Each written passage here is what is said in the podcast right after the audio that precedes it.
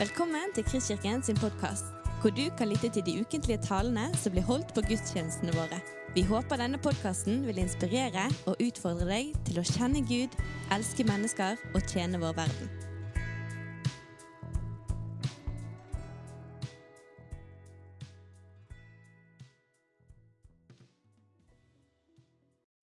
Det er kjekt å være her. Det er kjekt å stå foran dere. Eh, Det med ydmykhet og frykt og beven. Jeg skal dele Guds ord i dag. Men eh, det er jo et privilegium. Jeg er ikke helt vant til å så preike ut ifra et skriftsted at nå skal du preike ut fra det. Men vi gjør det allikevel, vi. Eh, Jeg har funnet litt kompromiss. da. Jeg pleier, jeg pleier egentlig å ha et tema på hjertet når jeg forkynner. Så ikke liksom ta det den veien. da. Så kompromisset er det at vi leser i hvert fall teksten, og så sier jeg det jeg vil. Nei, jeg bare tøyser. Det. Men det står i en sammenheng. Så den teksten som vi har her nå, Markus 9, 2 og så utover, det står i en sammenheng. Sant? Alt er skrevet i en sammenheng. Du har en, du har en oppbygning til det. Du har teksten, og så har du en fortsettelse på det. Og Det er sagt til en bestemt folkegruppe, det er sagt til noen bestemte personer. Du har leser og alt. Så, så jeg må ta det litt i det større bildet her. Jeg tenker å, å begynne, eller å, å, gå litt tilbake igjen og få de tekstene som står foran. Og så skal jeg veldig kort innom det som står bak. Men eh, ja, vi kan jo begynne med å be, i hvert fall. Kjære Herre Far. Takk for din godhet mot oss. Takk for ordet. Takk for Den hellige ånd som, som eh, skal lede oss til sannheten, som skal vise oss veien. Som skal åpenbare ditt ord for oss. Jeg ber deg, far, om at uh, dette her blir en stund der ditt ord blir åpenbart for oss. Jeg ber om din nåde. Så at vi kan få være framfor din trone nå, være framfor deg og få, få, få drikke av dine kilder, far. At du åpenbarer for oss din gode vilje. Din godhet, din sannhet, far. Amen. Nå er det jo sånn at eh, her kommer denne her, du vet Når du går inn på og laster inn sånne program på internett, eller noe sånt, så får du sånn ansvarsfraskrivelser og alt mulig sånt. som det er. Eh, Dere må vite, dere skal prøve det ordet jeg sier. sant? Ok? Hvis du kan godta det, prøv ordet. Om det er sant, så fortsett. Så eh, test ordet, studer Skriften, og se hva som blir sagt. Jeg har ikke tenkt å si noe veldig radikalt, altså, sant? men nå er dere advart. Ok, Vi begynner med å lese den eh, teksten for i dag. Eh, seks dager senere tok Jesus med seg Peter, Jakob og Johannes og førte dem opp på et høyt fjell, hvor de var alene. Der ble han forvandlet for øynene på dem, og klærne hans ble så skinnende hvite at ingen som bleker klær her på jorden, kan få det så hvite. Elias, Elia viste seg for dem sammen med Moses, og de snakket med Jesus. Da tok Peter til orde og sa til Jesus, 'Rabbi, det er godt at vi er her. La oss bygge tre hytter, en til deg, en til Moses og en til Elia.' Han visste ikke hva han skulle si, for de ble grepet av stor frykt. Da kom det en sky og skygget over dem, og det lød en røst fra skyen. Dette er min sønn, den elskede. Hør ham. Og med ett, da de så seg omkring, så de ingen andre enn Jesus. Bare han var hos dem. På veien ned fra fjellet påla han dem at de ikke skulle fortelle noen hva de hadde sett, før menneskesønnen var stått opp fra de døde. De tok til seg dette ordet og diskuterte seg imellom hva det, står, hva det er å stå opp fra de døde. Og De spurte ham hvorfor sier de skriftlærere at Elias, Elia må komme først. Han svarte Elia kommer først og setter alt i rett stand. Men hvordan kan det stå skrevet om menneskesønnen at han skal lide mye og bli foraktet? Jo, jeg sier dere, Elia er allerede kommet, og de gjorde med ham som de ville, slik det står skrevet om ham. Dette er jo Markus-evangelium, og Markus han ble av Ålkirken holdt som tolken til Peter. Så i stor grad så kan man tenke seg det at, at Markus-evangeliet det er evangeliet som Peter forkynte. Det er det ordene, den undervisningen han hadde til eh, folkene som han forkynte for. Og så kan vi tenke det at I og med at han trengte en tolk, så var jo ikke akkurat det jødefolket. For hvis det var han snakket til sine egne landsmenn, så trengte han ikke en tolk. Eh, så det er de første som hørte dette her. Men de første som opplevde, eller de første leserne, kan vi si, de første som hørte det, det var disiplene. Ordet og opplevelsen her, den tilhørte disiplene. De kom fra en setning. De var jøder. De hadde en jødisk tankegang, en jødisk kulturarv, en jødisk eh, si, måte, å tenke, ja, måte å tenke på. Og eh, eh, det er veldig interessant, for Peter han er jo en av hovedpersonene her. Han, eh, bortsett fra, eh, fra, det Gud Fader sier, så er det vel bare Peter som sier noe her. Eh, ja. Og da vil jeg gå litt, litt fram i Skriften. Litt til noe gjerne det som var under forrige, forrige gudstjeneste. Jeg vet ikke helt men 8.27 så, eh, så, så er Jesus og disiplene i Cesarea Filippi. Og eh, der er en sånn her eh, vendepunkt der, da. Jesus spør disiplene hvem sier folk at jeg er. Det blir litt sånn, sånn hvem, hvem, sier folk jeg er? Det blir litt sånn tittel på, på denne her preiken, selv om det ikke er i dagens tekst. um, De svarte døperen Johannes. Noen sier Elia, og andre en av profetene. Det, liksom, det, det, er det folk sier han er. sant? Men dere, spurte han. Hvem sier dere at jeg er? Da svarte Peter, du er Messias. Men han forbød dem strengt å snakke om ham til noen. Så Messias, hva betydde det? Hvem var det egentlig for jødefolket. Hva, var det, hva, var det, hva, la Peter i det når han sa 'du er Messias'? Jødefolket de gikk og ventet på en forløser. De gikk og ventet på en som skulle sette dem i frihet. De var et undertrykt folk, og det hadde de vært i generasjoner. Grekerne hadde holdt i fangenskap eller okkupert landet, og nå var det romerne. Og, og de kjente på dette her med å, å, at, at, de var undertrykt. En måte å, å, du kan se den undertrykkelsen på, det er deres, deres holdninger overfor eh, skatteoppkreveren, f.eks. Det, det, var jo et, det var jo et, et fy-ord. Du er en skatteoppkrever. Liksom. Jeg tipper det at det var folk som samla inn skatt under, under David òg, men det var kanskje litt annerledes. Motivasjon for å betale skatt og bidra til driften og til kongens hus når du var din egen enn når det var noen andre der. Så det var ikke skatteoppkreveren som var problemet, men det var hvem du tjente. på en måte. Så de hadde en, når Peter sa 'du er Messias', så lå det en masse forventning i det. Yes! Helten er her. sant? Se for deg som står i krønikerne om, at, om, om de 30 store, sant? om de tre store, om krigerne til David, om heltene. Sant? Her er helten vår, Messias. Det er forventningen til Peter. Du ser det seinere. For det, like etterpå så, så, så, så, begynner Jesus å snakke om at menneskesønnen skal lide mye. Han skal dø. Han skal bli slått i hjel. Og hva gjør Peter da? Hæ? Nei, dette her Stopp, stopp, stopp. stopp, stopp. Nei, nei, nei, dette må ikke skje deg, Gud. Dette må ikke skje deg, Jesus. mener jeg. Eh, dette, Han begynte å irettesette Jesus. Hvorfor? Vel, det, det, det, var noe som kolliderte med hans forståelse av hvem Messias var.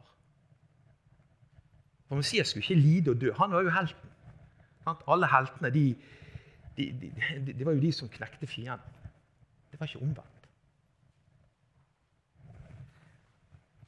Vik bak meg, Satan, sa han. Du har ikke tanke for det som Gud vil, bare for det som mennesket vil. Jeg skjønner jo litt, Peter, for hvordan kan en død Messias sparke ut romeren?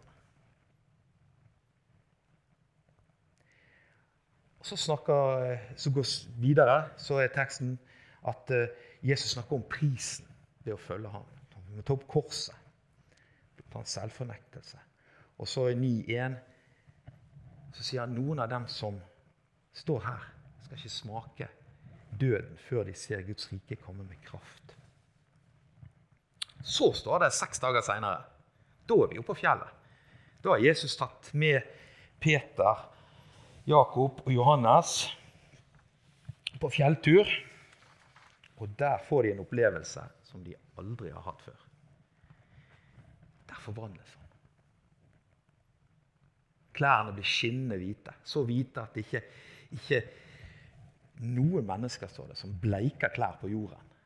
Selv ikke Omo Color eller Omo White kunne gjort det tilsvarende. sant? Det er Ikke engang denne her eh, klorin eller noe som helst kan få det til å bli så hvitt. Han forvandles foran øynene på dem. Diskuterte dette med Elisabeth. Hun sa det at uh, kona mi altså, sant? Og så sa det, ja, det blir omtrent som på denne Man in Black-filmen. Der har de disse aliens som bor blant oss. og så drar de ned glidelåsen, og så kommer de ut, og så ser du hvem de egentlig er. Her får du Jesus. Den himmelske herligheten stråler fram.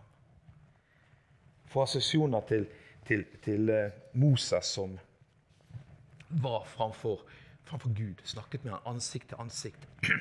Og så måtte dekke ansiktet sitt for dette strålte lys fra det. Sant? For at ikke de, han skulle ta fokusen vekk fra Gud. Sant? For at de ikke skulle begynne å tilbe han. Men her var mer enn bare ansiktet. Klærne, alt, hele vesenet var strålt ut. Wow! Dette var litt annerledes. Det var en ny side med Jesus, en side som de ikke har sett før. Jesus med den himmelske herligheten. Og Peter han hopper rett over i religiøs modum. Han vet helt hva han skal si. Han er slått av frykt. Uh, ja, la oss bygge tre hytter her.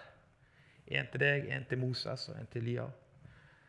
Det er liksom, vi mennesker vi har det med å sette opp sånne her eh, templer og minnesmerker. Sant? Tenk på Jakob som hadde den drømmen. Stige til himmelen og englene opp ned. Oi, her er Guds port. Sannelig Gud er her. Jeg må reise en stein, salve med olje. Her er tilbedelsessted. Her var Gud. Her er Peter òg. Tre sånn. Moses, Elias og han eh, Jesus. De skal få hver sitt lille hytte her, hver sitt lille tempel.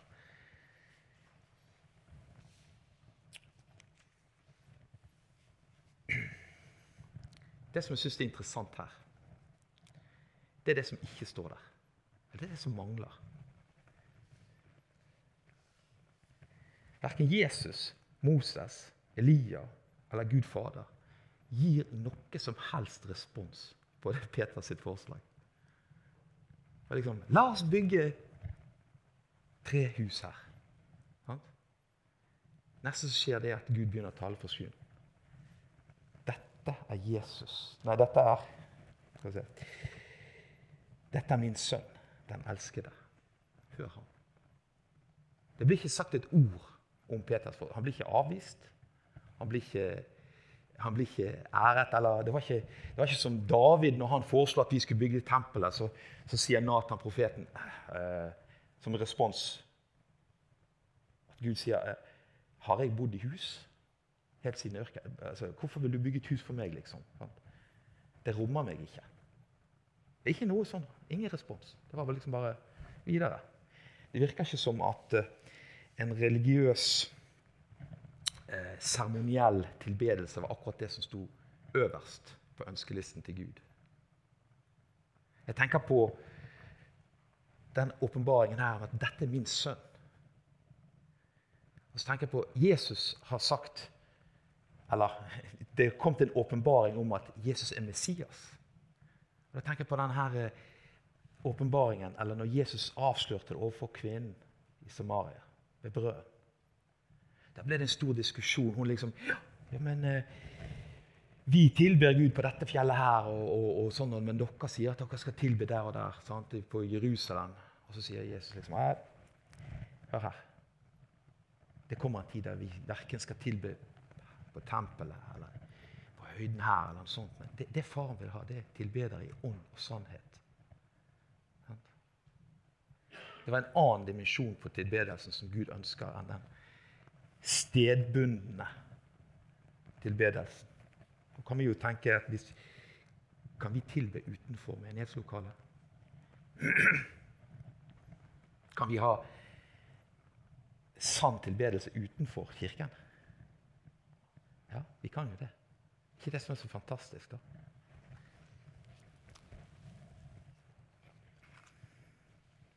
Jeg tror at Peter han ville altså han, han ville tilbe. Men han slo inn på en sånn religiøs spor som ikke ble bekreftet, kan man si det mildt. Dette er min sønn, den elskede. Hør ham.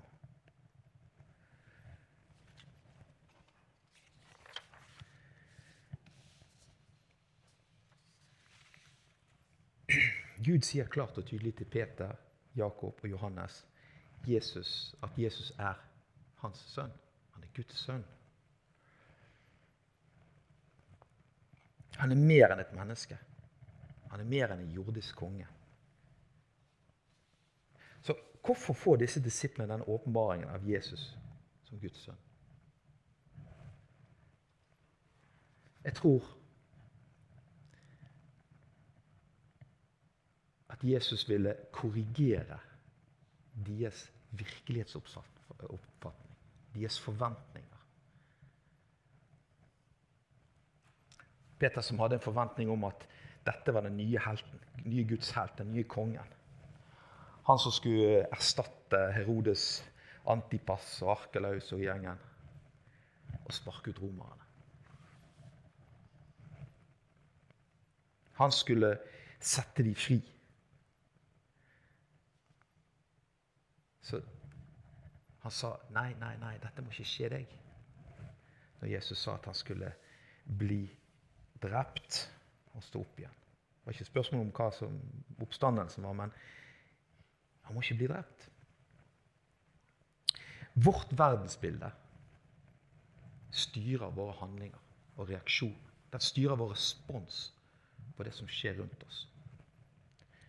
Vi har ord som Jesus sa i Matteus 12 Det hjertet fullt av, det flyter munnen over. Sant? Det som er i det indre, blir synlig på det ytre. Kraften i verdensbildet, eller verdensanskuelsen, om du vil, det kan vi se i syndefallet. Jeg har lyst til å, å lese litt der. og Det er jo langt ifra dagens tekst, men det, det er Guds ord, det òg. Første Mosebok 3.1-6. Veldig kort om fallet. Slangen var listigere enn alle ville dyr som Herren Gud hadde laget. Der sa til kvinnen, har Gud virkelig sagt at dere ikke skal spise noe tre i hagen? Kvinnen sa til slangen, vi kan spise frukten på trærne i hagen. Men om frukten på treet som står midt i hagen, har Gud sagt, dere må ikke spise den og ikke røre ved den, for da skal dere dø. Da sa slangen til kvinnen, dere skal slettes ikke dø. Men Gud vet at den dagen dere spiser den, vil øynene deres bli åpnet, og dere vil bli som Gud og kjenne godt og ondt. Vers 6. Nå fikk kvinnen se at treet var godt å spise av, og en lyst for øyet, et forlokkende tre, siden det kunne gi innsikt. Så tok hun av frukten og spiste. Og katastrofen var et faktum. Forvrengningen av verdensbildet førte til synd. Forvrengningen av virkelighetsoppfatningen førte til synd. Altså, vi mennesker vi ønsker som oftest å gjøre det som er rett og godt. Men om det som vi tror er rett og godt, er feil, så blir våre handlinger og vår respons feil. Ordspråkene 4.23, der står det Bevar ditt hjerte fremfor alt du bevarer, for livet går ut av det. Egentlig så kunne det like godt ha stått Bevar ditt verdensbilde fremfor alt du bevarer, for livet går ut ifra det. Døden kom ved et skifte fra det gudgitte verdensbildet, der alt er godt å spise, unntatt frukten på det treet. Gud vil oss det beste. Til Gud unner oss ikke det beste. Og frukten på det forbudte treet er den beste. Det er forandring i verdensbildet. Handling følger overbevisning og verdier. Ditt verdensbilde. Jesus sa til fariseerne Du vet at Vi ønsker jo det at vår forsamling skal være en hellig forsamling. Vi ønsker at vi skal oppføre oss riktig. Jesus sa til fariseerne Rens først begeret på innsiden, så blir utsiden rein. Hvordan skal vi få forandring? Rens innsiden, så blir utsiden rein. Jeg tror at Jesus tok med seg disse tre disiplene for å korrigere verdensbildet deres. For å korrigere forventningene deres til Guds rike, til hans gjerning, til det han har kommet for å gjøre. Til deres forståelse av Messias, hvem han egentlig er.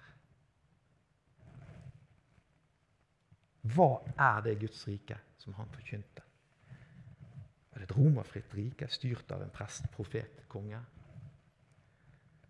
Eller var det hellighet og Guds kraft til å helbrede, til å bryte åndelige bånd og lenker, til å sette folk fri fra synd?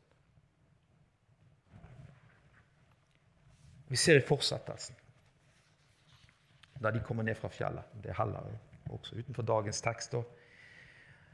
At der kommer de andre disiplene med et barn som er besatt av en ond ånd. og de, de, de hadde ikke autoritet eller makt til å drive det ut. Det virka som de hadde en forventning av det og de var litt overraska. Men Jesus satte ham fri. Den guddommelige kraften var til stede i ham. Han satte de fri fra en åndelig undertrykker. Han demonstrerte Guds rike som var kommet med kraft. Kjære venner, vi er ikke noe bedre stilt enn Peter, Jakob og Johannes eller den samaritanske kvinnen, eller fariseerne som Jesus konfronterte til stadighet. Vi òg trenger å korrigere vårt verdensbilde. Vår forståelse av hva som er sant, hva som er godt, hva som er hellig, hva som er rent. Hva som er Guds vilje. For de valg vi tar, både store og små, det gjør vi på grunnlag av vårt verdensbilde. samstemmer vår virkelighetsoppfatning med Bibelens, med Guds. I dag så blir vårt verdensbilde utsatt for manipulering på mange områder. Men noen få seksualmoral, samlivsformer, livets opprinnelse, materialisme, grådighet. Listen er lang. Mange områder. Gjennom media, gjennom samfunnet generelt. Så hvem tror vi Gud er? Når vi velsigner i Hans navn det han i Skriften kaller synd.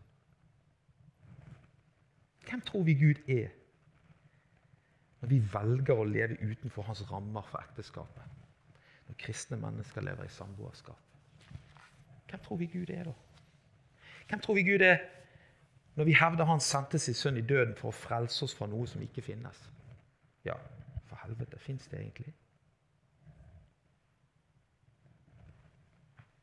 Hvem tror vi Gud er når vi karer til oss alt vi kan av gods og gull, og gjerne på bekostning av andre?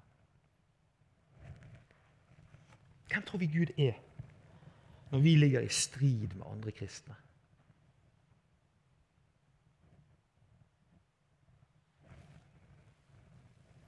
Hvem tror vi Gud er? Når vår gudsdyrkelse blir gjort for at andre mennesker skal se og beundre ham. Beundre oss for vår gudsfrykt og sjenerøsitet osv. Hvem tror vi Gud er? Når vi snakker nedsettende og hatfullt til, til og om andre mennesker i diverse diskusjonsforum på Internett. Hvem tror vi Gud er? Når vi dømmer flyktninger og innvandrere som dårlige mennesker. Når vi stempler alle muslimer som terrorister. Er ikke Gud han som elsket verden så høyt at han ga sin enbårne sønn for at enhver den som tror på ham, ikke skal få fortapt, men ha evig liv? Hater han andre? Nei. Er ikke Gud han som sa du skal elske Herren i Gud av hele ditt hjerte, av hele din sjel, av hele ditt sinn og av all din kraft, og du skal elske de neste som deg selv?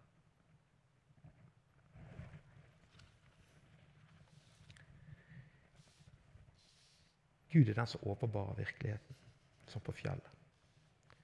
Dette er min sønn. Hør ham. Da tenker jeg på lignelsen Jesus fortalte om den som hører disse mine ord og gjør etter de. Han er lik en mann som bygger et hus på fjell. Vi kjenner den. Jesus han får opp til himmelen. Og han sendte Den hellige ånd ned. Hvis ikke han får opp, så kunne ikke Den hellige ånd komme ned. Det sa han sjøl. Den hellige ånd er vår lærer. Den hellige ånd er vår veileder. Den hellige ånd korrigerer oss. Den hellige ånd helliggjør oss. Den fører oss inn i sannheten. Han åpenbarer Skriften og Kristus for oss. La oss hjerter som er åpne for Den hellige ånd. La oss ha en vilje til å bli undervist, til å bli opplært, til å bli trent, til å få forandra virkelighetsoppfatningen vår til å bli lik Guds virkelighetsoppfatning. Det er den som teller, ikke det? Ingen kan undervise noen som ikke hører etter eller vil ta imot. La oss åpne våre hjerter. Være villige til å bli korrigert.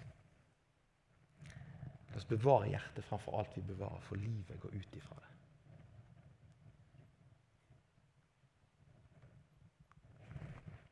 La oss be. Takk, gode Gud. Takk, gode Far, for din kjærlighet til oss. Du etterlot oss ikke farløse. Du har gitt oss Den hellige ånd. Den hellige ånd som leder oss, som bygger din rettferdighet i oss, som gjør oss himmelverdige ved din nåde. Hjelp oss, far, til å være åpne, oppmerksomme og lydige til det som Den hellige ånd taler til oss, til, til den samvittigheten som styrer oss. Far, takk i din godhet at du holder oss opp. Takk for din godhet. Amen. Du har lyttet til en podkast fra Kristkirken i Bergen. Vi håper du har blitt inspirert og utfordret i din vandring med Gud. Vil du vite mer om oss, så klikk deg inn på kristkirken.no.